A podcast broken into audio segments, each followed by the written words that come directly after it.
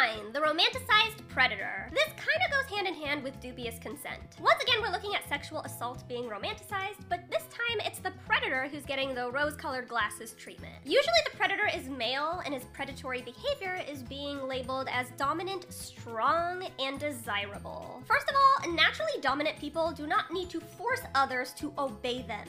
That is the opposite of strength. Forcing someone to be intimate with you, first of all, isn't intimacy, and second of all, it's an act to try and claim power that you don't naturally have. Second, this is once again painting extremely toxic behavior as positive, which has a profoundly negative impact on the real world. I have lost count of the number of people who have told me that they ended up in abusive relationships because their only examples of romance were the toxic books that they were reading. Remember, people are impressionable. They absorb what they read. Telling your audience that assault is desirable will inevitably result in real life damage.